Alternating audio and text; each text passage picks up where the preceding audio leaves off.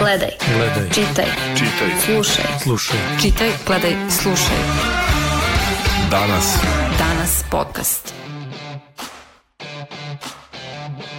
Slušajte novu epizodu podcasta Danasa u kojoj ćemo pričati o novoformiranoj vladi. Gosti su nam e, novinari i urednici koji nisu iz naše redakcije, Sloba Georgijev iz Newsmax Adrija.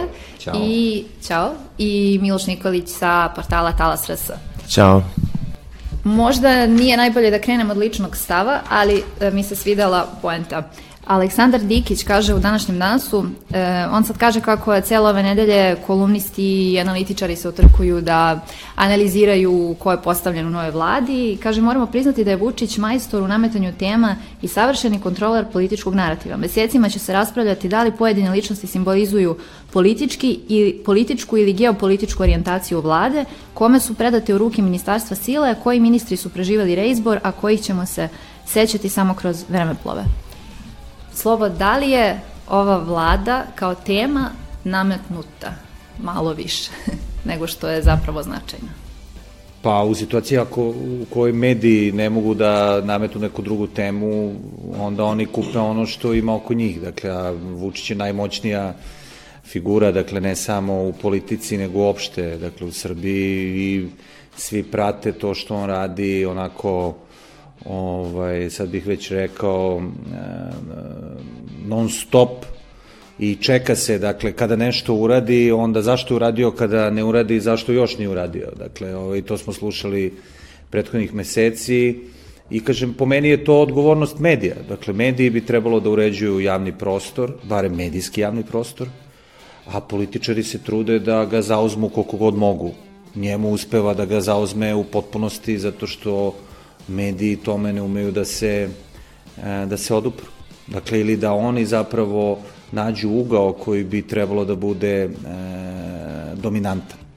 Nego se prosto samo čeka da se vidi ovaj, šta će on da kaže, šta će on da uradi i onda prema tome ko, ko je u kojoj poziciji u odnosu na njega, da li, je ka, da li je za ili je protiv, mi slušamo zapravo očekivane, očekivane stvari. Dakle, ja ništa nisam tu specijalno u svim tim e, nastupima čuo e, da je neko nešto pomerio, dakle to je sve na nivou očekivanog, ovi koji ga vole viču to je to, to je super, to je nastavak, ide dobro, bit će još bolje, ovi koji ga ne vole kažu to je ništa, to je dokaz autoritarizma, totalitarizma, fašizma, nacizma, otko znam šta se sve više ne upotrebljava. Ovo, ovaj, tako da je to jedna vrlo dosadna priča po meni. Uh -huh. Ali s druge strane, evo danas je izveštavao raznim temam, temama ove nedelje, pa je to bila, naravno, pa je to bila opet najčitanija, najčitaniji tekst ove nedelje, nova vlada, ko će biti, ko će biti novi ministri. Um, Miloš, evo da, da pitam tebe, šta ti misliš da li je ova tema uh, toliko značajna, koliko, uh, da li su krivi uh, mediji, kao što kaže Sloba, ili i on malo preteruje? Pa dobro, mislim, tema je objektivno značajna, ipak dobijamo novu vladu, sad kakva je takva je oročena, tehnička, kako god da je nazovemo, ipak je vlada, ipak će da upravlja nekako resursima i e, parama svih nas, poredskih obveznika Srbije. A, mislim da jeste zadatak medija i kritičke javnosti da se bavi i nije čudo što je to najčitaniji tekst kod vas. Mislim, generalno te teme su za javnost relevantne. Ono što mene brine što se, mislim, političari previše bave tim personalno-kadrovskim rešenjem u vladi, političari opozicije i tu se oni pecaju zapravo. Mislim, ne može da se kaže da se javnost peca. Mediji moraju da obrađuju sve što dođe od strane vlasti, da kritički pristupaju svemu tome. Ali sad mi je zanimljiv taj izlet uh, koji si navela, jer je kao neka vrsta a, izgovora, sad kao peca se, peca se javnost i to. Zapravo političari, sami opozicioni političari su previše, previše a, zarobljeni u tom političkom vremenu koje Vučić kontroliše. Kada u političkom vremenu ne mislim na ono kao epohu, nego mislim na vreme u tehničkom smislu. Dakle, Vučić je sa ovom ovakvom vladom i sa ovim izletom zapravo otvoreno pokazao da mi živimo političku krizu, ali da on hoće sad aktivnije s inicijativom da je kontroliš. I u tom smislu nekako treba opozicijni političari da prepoznaju te mamke i, i, i, i ove varalice. I gde ti prepoznaš? Gde prepoznajem? Pa e, sve što je Vučić radio, dakle, e, sama ta najava da će ova vlada da bude oročena, ne znamo da će da bude oročena na godinu i po dana. Mislim, to, to je bez presedana, u teoriji i praksi, da sad izlazi predsjek država u parlamentarnom sistemu da govori da će ovo da bude oročena. Uopšte ne mora da znači da će svi izbori da budu objedeni. Ja mislim da će Vučić možda kao poslednji adut, tamo negde možda par meseci pre, pre samih izbora, pre marta, aprila 2022. da kaže, dobro, ajde, ok, razdvojit ćemo izbore, beogradski i predsjednički idu zajedno, pošto su redovni, parlamentarni će da budu u nekom trenutku, može čak do 2024. kada mi bude vreme. Tako da u tom nekom smislu, to je glavni, ja mislim, mame. Znači, mora oprezno sa tim da se igra. Vučić će sigurno da rasterećuje malo, pričat ćemo o tome, sigurno izborne uslove, To je meni nekako naj, najjasniji pokazatelj. Vučiću ne može da se veruje na reč, mislim, nije to sad ono što on kaže da je to tako, mislim, prošto je to iz mnogo razloga problematično, iz ugla legalnosti, iz ugla legitimiteta i tako dalje. Ali mislim da političari mnogo više moraju da se bave građanima, ne političarima na vlasti. Opozicijani političari moraju da gledaju kako će da artikulišu neko nezadovoljstvo koje postoji između oslog i po pitanju ove nove vlade. A to si sad pomenuo da je ova vlada oročana. Um, I sad sam čitala neke isto lične stavove u vezi sa ovim, pa Nemanja Rujević kaže uh, da se sad nameće to da je ova vlada štih proba, oročena, koncentraciona, ali da je zapravo samo Vučićeva i da to je jedino važno i da je tu kao i Skupština da bude samo dekor. I čini mi se da je to i Đorđe Vukadinović rekao uh, i sad je tu uh, pitanje da li je ovo koncentracijona vlada, da li vi mislite da je koncentracijona? Pa ne znam uopšte čemu služi ta te kvalifikacije, osim Đorđe Vukadinoviću, koji je sad postao opet analitičar. U stvari, možda je to govorio kao analitičar ili kao političar, nisam siguran u kom svojstvu, on treba ga pitati ovaj, kada, se, kada nastupa ovaj, šta je. Ovaj, dakle, da li je koncentracijona. Dobro, dajmo se dakle, prostoru vremenu. To je, pa ne znam, to je, to je drugo pitanje, ali ovaj, kažem, e, po meni to je nebitno. Kako je mi, kako je mi zovemo, to je jedinstve, vlada jedinstvena po tome što ima najveću podršku u parlamentu ikad, ako to išta znači. Dakle, što rekao Šajb tamo pre neki dan u parlamentu, čak ni Sloba nije imao takve vlade. Dakle, u doba rata, sankcija, terora, maltretiranja i on je shvatao da kao ne mora da ima 250 narodnih poslanika od 250. E, ovaj čovjek je to napravio. I dakle, vi tu imate tu vladu, s druge strane, naravno, opet imate taj paradoks da se na tu vladu čeka četiri meseca. Da on u, u junu neće da pomeri izbore, jer kaže ne možemo da pomerimo izbore zato što to nam ne dozvoljava ustav i tako dalje, onda se zeza s nama svima i kao gura vladu u posljednji dan koji mu kao zakon dopušta da je da izabere. Dakle, to je sve nebitno, potpuno ovde ne vlada vlada, dakle, I zato onda kada Miloš malo pre kaže da, važno je u svakoj zemlji kada se izabere vlada. Da, važno je tamo gde vlada donosi odluke. Ovde vlada ne donosi apsolutno nikakve odluke, ministri ne donose odluke, to i oni znaju.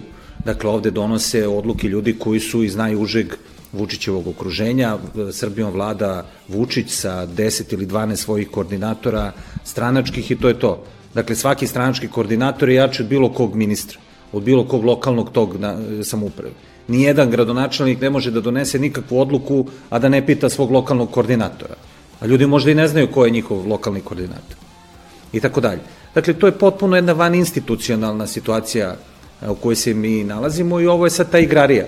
I sad je samo pitanje naše kao da li mi pristajemo na tu igrariju i pravimo se toše i kao pa dobro, aha, ima zgrada, ima ti ljudi, oni kao donose neke propi i kao to je to i onda je to to. A to po meni nije to. Dakle, ne može da, da, da bude vlada ako ta vlada nema zapravo pravu moć. Oni imaju jedini, jedinu moć u onom delu kojim je dozvoljena, to je da dovedu svoje ortake. Dakle, vi kad postanete ministar, i zato je recimo bitno ko je ministar. Jer on dovodi onda svoju ekipu, svoje podizvođače. Dakle, ne rade više oni isti koji su zidali puteve, sad će dođu neki drugi. Ili oni koji su kupovali lekove, doduše ostoje tamo isti ministar. U nekim drugim oblastima, dakle, koje su unosne. Ovaj, samo se promeni ta ekipa koja pobeđuje na tenderima. I to je jedina promena. A suštinski na nivou politike ne postoji. Zato to, da li je to nova vlada, ovi se zezuju druga vlada Ane Brnabić, sedma vlada Vučića, sve jedne. To je jedna te ista vlada od 27. jula 2012 e, godine, dakle to je, i, i, i sam Vučić to govori, to je vlada tog političkog, ali političkog naravno, ovaj kontinuiteta. Mi ne znamo koje su vrednosti koje zastupa ta vlada, Dakle, nikad o tome nismo čuli. Mi niz, ne, nikad nismo čuli kakva Srbija treba da bude zemlja. Evo danas smo čuli o osnovima jednog dečaka, jednog čoveka koji, koji kako kaže, sanja, sanja e, visoko, on sanja visoko, neki sanjaju velike stvari, on, on, da, da, on sanja visoke stvari, valjda zato zidaju onu kulu dole ovaj, u Beogradu na vodi i onda, onda se popnete na tu kulu i onda, onda ostvarite valjda te svoje, svoje snove. Dakle, to je u tom smislu po meni e, opet jedna vrsta e, pogrešne priče i, samo će se nadovesti ono što je rekao Miloš, ako bi se pravila neka alternativa, nije uopšte poenta u tome da se ona bavi specijalno analizom, sve smo mi analize ovde videli, poenta je da se smisli način da li u, u Srbiji je moguće zapravo uspostaviti nešto drugo. Sad, sad kako stoje stvari, izgleda da nije moguće. Pa dobro, da, mislim, ovo sad slabo otvorio ozbiljno pitanje, mislim, šta je moguće, dakle, to ono negde, da kažem, možda i najvažnije političko pitanje ako pogledamo širu sliku, dakle, Vučić, kao što sam rekao, negde moj utisak je upravlja političkim vremenom, raspoređuje resurse za svoje privatne interese, interese svojih najbližih tu saradnika, ali ono što se ovde postavlja kao, kao ključno političko pitanje jeste da li ćemo mi imati neku političku dinamiku na neki srednji rok i šta će se to dešavati i tu negde jeste, jeste ključna uloga opozicije, kako će se oni postaviti prema unutra, dakle prema građanima i prema spolje, prema međunarodnoj zajednici. Pritom ja mislim da se precenjuje taj faktor i sad konstantno je fokus već evo od prvih dana vlade ka, ka Evropskoj uniji, to mora, to je nužni uslov da se bilo šta promeni u Srbiji na bolje što se tiče izbornih uslova, jer Vučić očigledno je responsivan samo na te međunarodne ovaj, pritiske koji nisu nikakvi za sad, mislim, to ni, ništa za sad ne figurira. E, Slobo, pomenuo si da su važna personalna rešenja. Da. U tom smislu koga će oni sad e, dovesti u igru. Ovi dana se toliko analizira sastav nove vlade, ja još uvek nisam čula valjano objašnje, objašnjenje um, zbog čega su se rotirali uh, Vulin i Stefanović. Jel imaš ti možda neko objašnjenje ili je to pogrešno pitanje? Pa ne, to nije uopšte mala stvar, dakle to uopšte nije mala stvar, vi znate koliko su se socijalisti gurali da imaju MUP, dakle, u, u svojim rukama, onda kad su upravili koaliciju sa, sa demokratama, koliko je, to, koliko je to bilo važno. Dakle, e, s druge strane, e, e, ja mislim da ljudi u Srbiji ne vole policiju, znači ne vole policajce. Tako da onaj ko vodi policiju je moćan, ali nema dobar rejting. S druge strane, ovaj koji vodi vojsku, on može da popravi svoj rejting, jer ljudi vole vojsku. Vole uniforme, vole parade, evo ga Vulin juče, ja mislim tamo doveo je hor, sablje, čuda. Je Vulin znači, popravio svoj rejting u ministarstvu? Pa ne može, Vulin ne može da popravi ovaj ništa. znači, jer je nebitan i, i sebi i drugima. Dakle, to je potpuno nevažno. Ali, s druge strane, Nebojša Stefanović je pokazao se kao čovjek koji ima, koji ima dobar politički nerv. I ja, ja sam jedan od onih, mislim, u javnosti koji govori stalno da je on zaista vrlo pocenjen ovaj, političar, a on je u stvari, rekao bih, vrlo strateški e, igra i čak u situacijama kada je u velikim problemima uspeo da se izvuče, Naprimjer? I sad se izvukao, pa dobro izvukao se dakle oko svih onih afera koje su bile vezane za, za, za, za njegovog oca, ima tu puno stvari koje radi u MUP-u, nejasnih nabavki, na kraju dana e, čujemo ovih dana kažu da u Srbiji čak postoji mafija. Ja sam recimo, verujući ovom Stefanoviću, mislio da nema mafije. Ja svake godine u onim izveštajima mu pa kažu ove godine 20, prošle godine 25, on je recimo jedno 100-150 mafija likvidirao. Ja ne mogu da verujem da se toliko mafija pojavlja stalno i da on ne može da ih reši. Dakle, on nije uradio otprilike svoj posao na, na tom polju kako treba, sad, je trebalo, sad to treba da radi neki, neki drugi čovek, a vidjet ćemo kako će se on snaći dakle, e, sa ovim poletama, sa tim uniformama, da li će popraviti ovaj e, svoj, svoj rating ili će zapravo samo raditi ono što je radio njegov otac, dakle trgovati oružjem, ovaj, tu je očigledno vrlo dobro ovaj, upućen i mislim da je to osnova cele te e, transformacije. Ima još jedan detalj, pa završavam, koji se tiče moći, dakle, unutar SNS-a, dakle, ovaj Stefanović i dalje, koliko ja znam, e, e, taj koordinator za Beograd, odnosno vođa e, beogradskih naprednjaka, što je moćna, što je moćna pozicija i ovi koji su hteli da ga sklone, dakle, ta grupa oko Andreja Vučića prethodnih meseci ili godinu dana, očigledno nisu uspeli ovaj, da ga pomere sa tog mesta unutar stranke. Ovaj, pa ćemo vidjeti kako će se te stvari razrešiti. Dakle, više liče neku unutar stranačku borbu nego na neko suštinsko državno pitanje. Sve stoje o slobo što kaže. Ovaj, moj utisak negde jeste bio da gledajući malo širu sliku, to ajde geopolitičku, tako da kažemo, mislim da je postavljanje Stefanovića relevantno iz ugla pozicioniranja Srbije prema Americi. Mi imamo sad taj jedan trend da se Srbija, ajde da kažemo to, vojno-tehnički udaljava od Rusije već neko vreme, da je Amerika strateški prepoznala oblast odbrane kao najvažniji prioritet uz sprečavanje trgovine drogom i ljudima u ovom delu sveta. Što se tiče odbrane, to je visoko na, prioritet, visoko na listi prioriteta američke spoljne politike. Tako će da bude kogod da bude predsjednik, bilo da ostane Trump ili da, da dođe Biden. Stefanović, naravno, zbog prirode svog posla zbog svih tih, da kažemo, poslova koji su morali da se presecaju, a presecali su se selektivno očigledno, ovaj, ima dobre veze dakle, sa američkim federalnim bezbednostnim i vojnim institucijama. I u tom nekom smislu to jeste signal svakako. Sad, da li će on i posle 2022. da ostane u tom sektoru ili će možda da, ovaj, da, se, da se prekomanduje na neku drugu funkciju, to ćemo da vidimo. Danas. Podcast. Da li je Branko Ružić dobro rešenje za Ministarstvo prosvete, pitali smo Bojana Klačara iz Cesida, a Nikolu Kovačevića, pravnika i stručnjaka za ljudska prava, kakva očekivanja ima od novog Ministarstva za ljudska i manjinska prava i društveni dijalog. Poslušajmo što oni kažu. A, sigurno je da e, onda bi bilo mnogo boljih rešenja, ali e, pravila su takva da u vladu e, idu ljudi onih, ispred onih stranaka koje su osvojile većinu i da su ministarska mesta uh, političke pozicije. One su prevoshodno političke pozicije, ne moraju nužno da prate i uh, direktno iskustvo u toj oblasti. Suštinski razlog zbog čega je uh, zbog čega sam izdvojio Branka Ružića jeste bio njegov rad u Ministarstvu za državnu upravu i lokalnu samupravu u onom delu koji je naravno blizak CESED-u kao organizaciji jer je Branko Ružić imao sluha za određene preporuke o kojima se razgovaralo na, na Fakultetu političkih nauka i sa europarlamentarcima. Ministarstvo za državnu upravu je negde od jula, augusta prošle godine pa do februara, marta a, ove godine je uradilo nekoliko veoma važnih stvari kada je reč prevashodno o a, vođenju biračkog spiska, njegove ažuriranosti i na kraju krajeva a, formirali su i radnu grupu, odnosno deo su radne grupe koja bi trebala da uradi i verifikaciju biračkog spiska, što bi zaista bila velika stvar ukoliko bi se desilo u narednim, u narednim mesecima.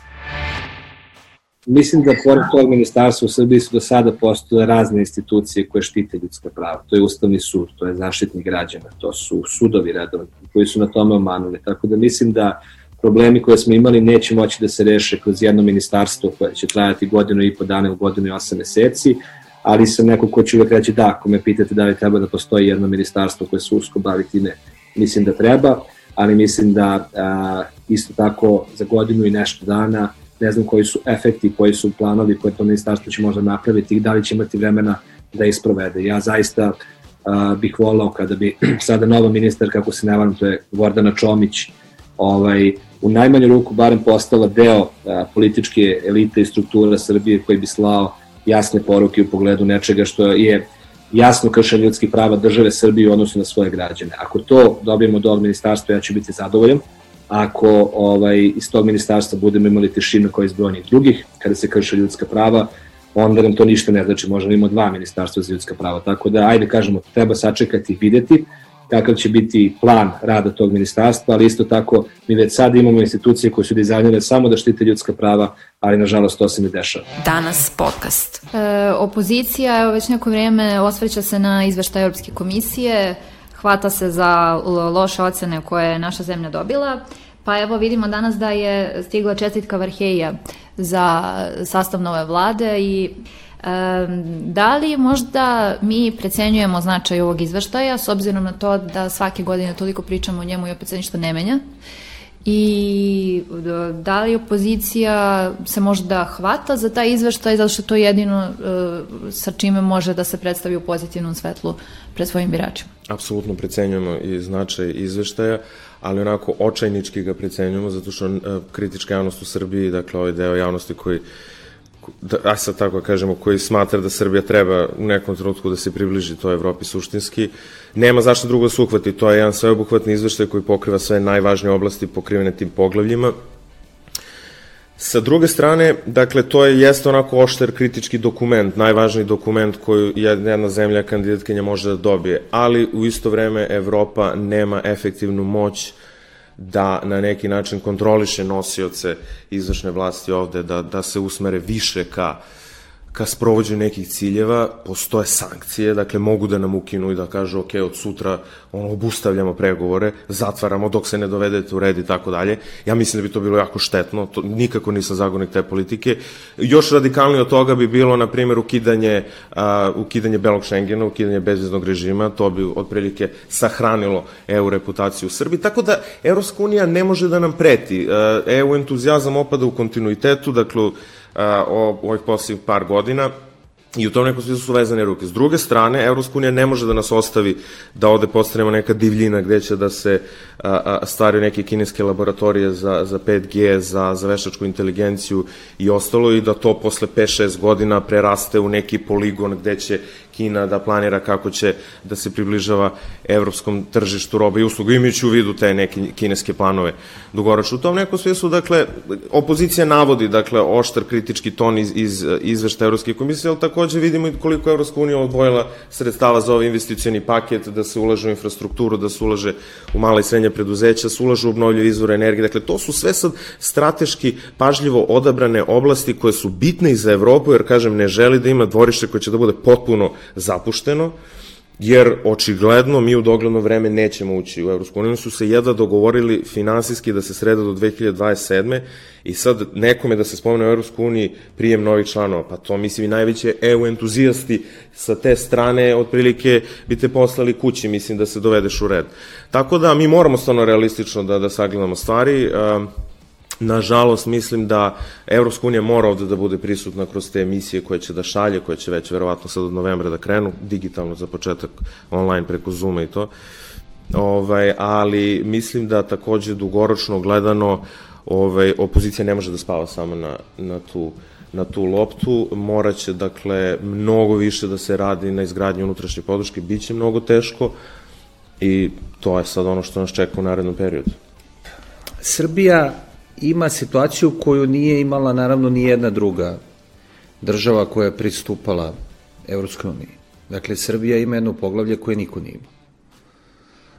Ako bi Srbija zatvorila poglavlje 35, vrlo brzo bi ceo proces ovaj, bio, ajde da kažem, ubrzan, da ne kažem dovršen, ali, ali ubrzan.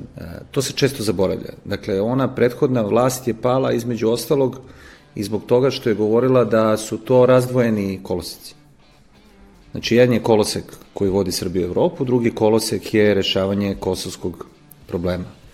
Ova vlada je naravno, ova vlada, ovaj Vučić, znači on je, em što je e, razgovore sa Prištinom sa ovaj, tog tehničkog nivoa prebacio na e, ovaj, statusni, on je, to se vidi, dakle, i u dokumentu, dakle, o, o pristupanju, dakle, o otvaranju poglavlja, gde smo mi dobili to 35. poglavlje koje se bavi Kosovom, dakle, ući ćemo u Evropsku uniju onda kada priznamo Kosovo ili kada to rešimo na način koji vidi Evropa. Evropa neće, i to je više puta rečeno sa raznih strana, dozvoliti da ima još jedan Kipar dakle u svom ovaj, sistemu, tako da se tu ne treba mnogo zaluđivati puno oko tog puta, osim ako nemate jasnu politiku koja kaže ok, nama je nacionalni interes da uđemo u Evropu, nama je nacionalni interes veći od tog pojedinačnog interesa da Kosovo bude deo Srbije i mi ćemo priznati nezavisno Kosovo. Dakle, dogod, eh, dogod mi nemamo tu vrstu, eh, da kažem, vrlo jasnog političkog opredeljenja, svi koji govore o pristupanju u EU zapravo nas lažu. I oni znaju da nas lažu. I vlast, i opozicija, i ljudi iz Evropske unije. Njima je, kako da kažem, negde manje više sve jedno. Ovde, hvala Bogu, nije rat. Znači ima mnogo gorih mesta na planeti od jugoistočne Evrope, zapadnog Balkana ili teritorije bivše Jugoslavije, kako god to zvali. Ovo, ovaj, tako da okej. Okay. Znači, to je to dokle dobacite, dotle će ovaj, to ići. ali kažem, ovo što sam pobrojao, to su stvarno činjenice, to nije, nije nikakva metafizika. A često se u, u, u javnom govoru to zanemaruje. Pa se govori da, da mi nešto možemo da uradimo, a bez ovoga. Ne, ne možemo. Ne možemo. Mi smo to potpisali, mi smo preuzeli tu obavezu. Dakle, do okviru poglavlja 35 zatvorimo tu stranicu odnosa sa, sa Prištinom, a ta stranica znači priznanje. I to je to. Vučić kaže, ja nikada neću priznati ovaj, Kosovo, opozicija kaže mi nikada nećemo priznati Kosovo i ja kažem mi nikada nećemo biti deo EU. No, sad kad si to rekao i nakon onog što je Miloš izložio, da li je uopšte vredno komentarisanja, onda sad izjava Dragane Rakić da Srbiji preti suspenzija pristupnih pregovara sa Europskom unijom i da zemlja mora da se vrati na evropski put. Pa mislim, da, možda uzaludno. ne, šalim se, pa mislim, ok, definitivno će ove teme i dalje da postoje, opozicija je stvarno u jednoj pat poziciji, ovako slobe, onako oštro, surovo izložio to, to je tačno, uh, opozicija će biti u jako znezutoj pat poziciji. Videli smo Zelenović, čovjek je samo izašao sa predlogom da bi opozicija možda trebalo da se uključi u dijalog. Nije čovjek rekao treba da priznamo nezavisnost Kosova, nego da se opozicija uključi, što stvarno mislim da je zreo stav. Naravno da treba da se uključi. Za početak da saznamo šta to Vučić uopšte pregore, ne znamo ni o čemu su sve do sada pričali. Ali jako, jako zezasta pozicija, ne samo po pitanju EU, nego po pitanju generalno šire orijentacije, neće opozicija biti kredibilna kod zapadnih partnera, a oni su im ključi ukoliko žele demokratski da smene Vučića, ukoliko on ne ponudi jednu širu sveobuhvatnu sliku oko regionalne politike, oko odnosa sa Kosovom i sa Mi vidimo da oni ili beže od toga, ili kao mlađa Đorđević otprilike slikaju se po selima na Kosovu i to jako lepo i treba negovati tradiciju i sećanja, ali kao to nema veze sa političkom realnošću i sa nekim budućim, budućim odnosima koji moraju da se grade. A oni će morati neko da se grade. Ili ćemo da imamo zamrznut konflikt i da budemo svesni cene dugoročno svega toga. Ovih dana, mislim ne ovih dana, nego inače čujemo sa raznih strana da se očekuje da će se izborni uslovi promeniti do do narednog izbornog e, ciklusa. Pa uh, ja ne znam jel se vi slažete sa tom tvrdnjom i ako se slažete na osnovu uh, čega ste to zaključili, jeste li čuli bilo kakvu izjavu koja bi to mogla da nagovesti? Srbija je zemlja nad, takozvane nadzirane, nadziranog suvereniteta, nadzirane samostalnosti. Dakle, ona je daleko od toga da može o svemu da odlučuje. Pa, evo vidimo, mi smo prihvatili da da i Evropa i SAD i kogod hoće moderira neki razgovor recimo između nas i naše pokrajine. E pa ako smo pristali da moderiraju razgovor između nas i naše pokrajine, kako to piše u Srpskom ustavu, kako da kažem, ja ne vidim razlog da Evropa isto ne moderira razgovor o, o pitanjima demokratije, dakle, u Srbiji. I u tom smislu, po meni, e, nije uopšte ni Beograd mesto za taj razgovor nego je Brisel i Berlin, pa bi ova opozicija trebalo i, e, i čak i, mislim, nevladin sektor, da traže više od Evrope prisustva u tom, u tom delu. Dakle, da bukvalno to bude ta, ta vrsta. Ja sam u jednom, e, naravno, šaljivom tonu negde bio govorio da bi za nas bilo idealno da nam, e, da nam Bilčik bude predsednik parlamenta, ali zaista to tako, to tako izgleda. Ovaj, dakle, potrebno je da, e, pošto mi, kako da kažem, zemlja kandidat, mi smo mi imamo specifičan odnos sa Evropskom unijom i kažem, prosto pristali smo, eto, ako smo pristali na to da, da se pregovara o teritoriji zemlje, ne vidim zašto ne bismo u Briselu e, pregovarali ovaj, o tome kako, kako učvrstiti ili kako povratiti minimalne demokratske uslove dakle, u Srbiji koje je koji su naravno potpuno ovaj, urušeni. Ja ću samo opet reći da se do 2012. godine verovalo, ako ništa drugo, da je taj 5. oktobar donao situaciju da je moguće smeniti vlast na izborima. A, 2012. godine ta priča završena. Znači, Vučić je rekao, ne, nikada me nećete smeniti na, na izborima, ja ću sve uraditi da nikada ne izgubim na izborima, kao što ovaj glupi Tadić to dozvolio ovaj, tako radikali e, razumeju izbore, demokratiju kao jedan fingirani dakle, proces kao ono što su svojevremeno socijalisti pričali kada se izbori dobro organizuju, narod na njih i ne mora da izađe. Dakle, to je otprilike ono na što su se ti izbori sveli. I to treba tako reći i po meni ta, taj zahtev prema Evropi treba da bude u tom smislu uh, koncipiran, treba da bude mnogo ovaj, snažniji, i da se tamo traže odgovori, e, odgovori na ta pitanja. Pa sad ako ne može da se to tamo ovaj reši, onda, onda da se traži da se traži neki drugi put. Neće ova vlast samostalno uh, odstupiti ni milimetar od onoga što sada radi i kako se ponaša, neće promeniti svoje ponašanje, neće priznati da su oni radili nešto nešto pogrešno, da su oni nešto uništili i tako dalje, to se neće dogoditi, neće RTS otvoriti kapije, početi da radi profesionalno, zašto nikad to nije radio, dakle nikada to nije radio, jednom državna televizija, uvek državna televizija, Dakle, to je to. I sad vi morate da vidite da li je moguće, kažem, u tom moderiranom dijalogu koji vodi Bilčik, kažem Bilčik kao neki reprezent Evrope, kao naš predsednik parlamenta, da se dogovori da se stvore neki uslovi za regularne e, za regularne izbore. Mi ne možemo da znamo ni šta će biti za tri meseca s obzirom na koronu i sve što se dešava, ne šta će biti ovaj, e, u narednih e, godinu dana. Jedino što u prilog ide nekoj drugoj strani koja nije vlast jeste zapravo mogućnost da da zbog ovog celog užasa koji nas je spopao, dakle sa ovom bolešću, zapravo e, srpska ekonomija potone na proleće, da puno ljudi bude otpušteno i da ta vrsta socijalnih tenzija izazove e, takav pritisak kod vlasti da oni probaju zapravo da nešto promene. Da, danas sam baš videla istraživanje demonstrata, čini mi se da će baš danas da bude predstavljeno u medija centru, da ljudi više strahuju od pada standarda nego od, od korone. Mhm. Mm ali, da, ali da, pa ne, samo, samo, da, samo, samo isto uh, kratak komentar, mislim, realno postoje ozbiljna mogućnost stvarno da dođe do, do te ekonomske krize. Vučiću je negde, ja mislim, poslednja linija odbrane tog njegovog imidža stabilnosti koju on prikazuje s polja, ta makroekonomska stabilnost koju on koliko toliko do sad do korone je, je održavao. Um, ono što će ozbiljno da, da, da, da negde napadne srpsku ekonomiju posle, posle pandemije jeste spori oporavak i to ukoliko mi uh, rastemo negde mnogo manjim stopama privrednog rasta u odnosu na ono što je, što je očekivano. To može da ima ozbiljne posledice, tad već neće moći da se povećavaju tako lako plate u javnom sektoru, da se namiruju svi kadrovi i ostalo, može ćemo da prebacimo i neke limite oko javnog duga i tako dalje.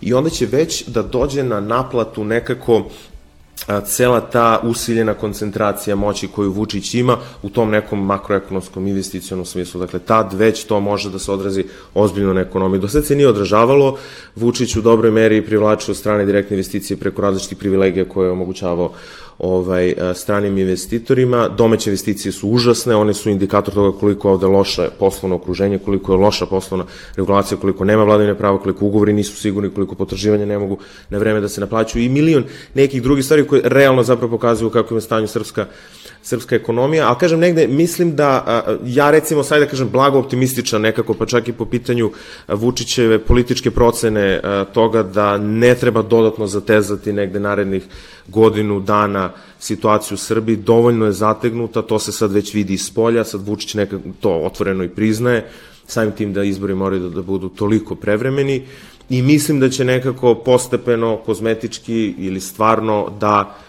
olabavi situaciju pre svega na RTS-u i sad je na opoziciji da vidi koliko će tu pragmatično da se, da se postavi u celoj toj stvari. Ništa to suštinski nije, slažem se sa slovom, ništa to suštinski nije, Vučić neće, Vučić gleda sad kako će od 2027. da vlada, kako će 2022. da dobije izbor, on gleda toliko u napred, Tako da ovaj, treba gledati ovaj, šta se dešava sa društvom, šta se dešava sa medijima, s političkim partijama, s udruženjima, i da se svaka neka, koja bih rekao, pukotina koja god nastaje, da se gleda da se dodatno širi i da se, da se osvajaju ti novi prostori slobode. Jer ako se samo osunimo na to da čekamo na milost Aleksandra Vučića kada će onda promeni izborne uslove, mislim da ćemo mnogo dugo da čekamo.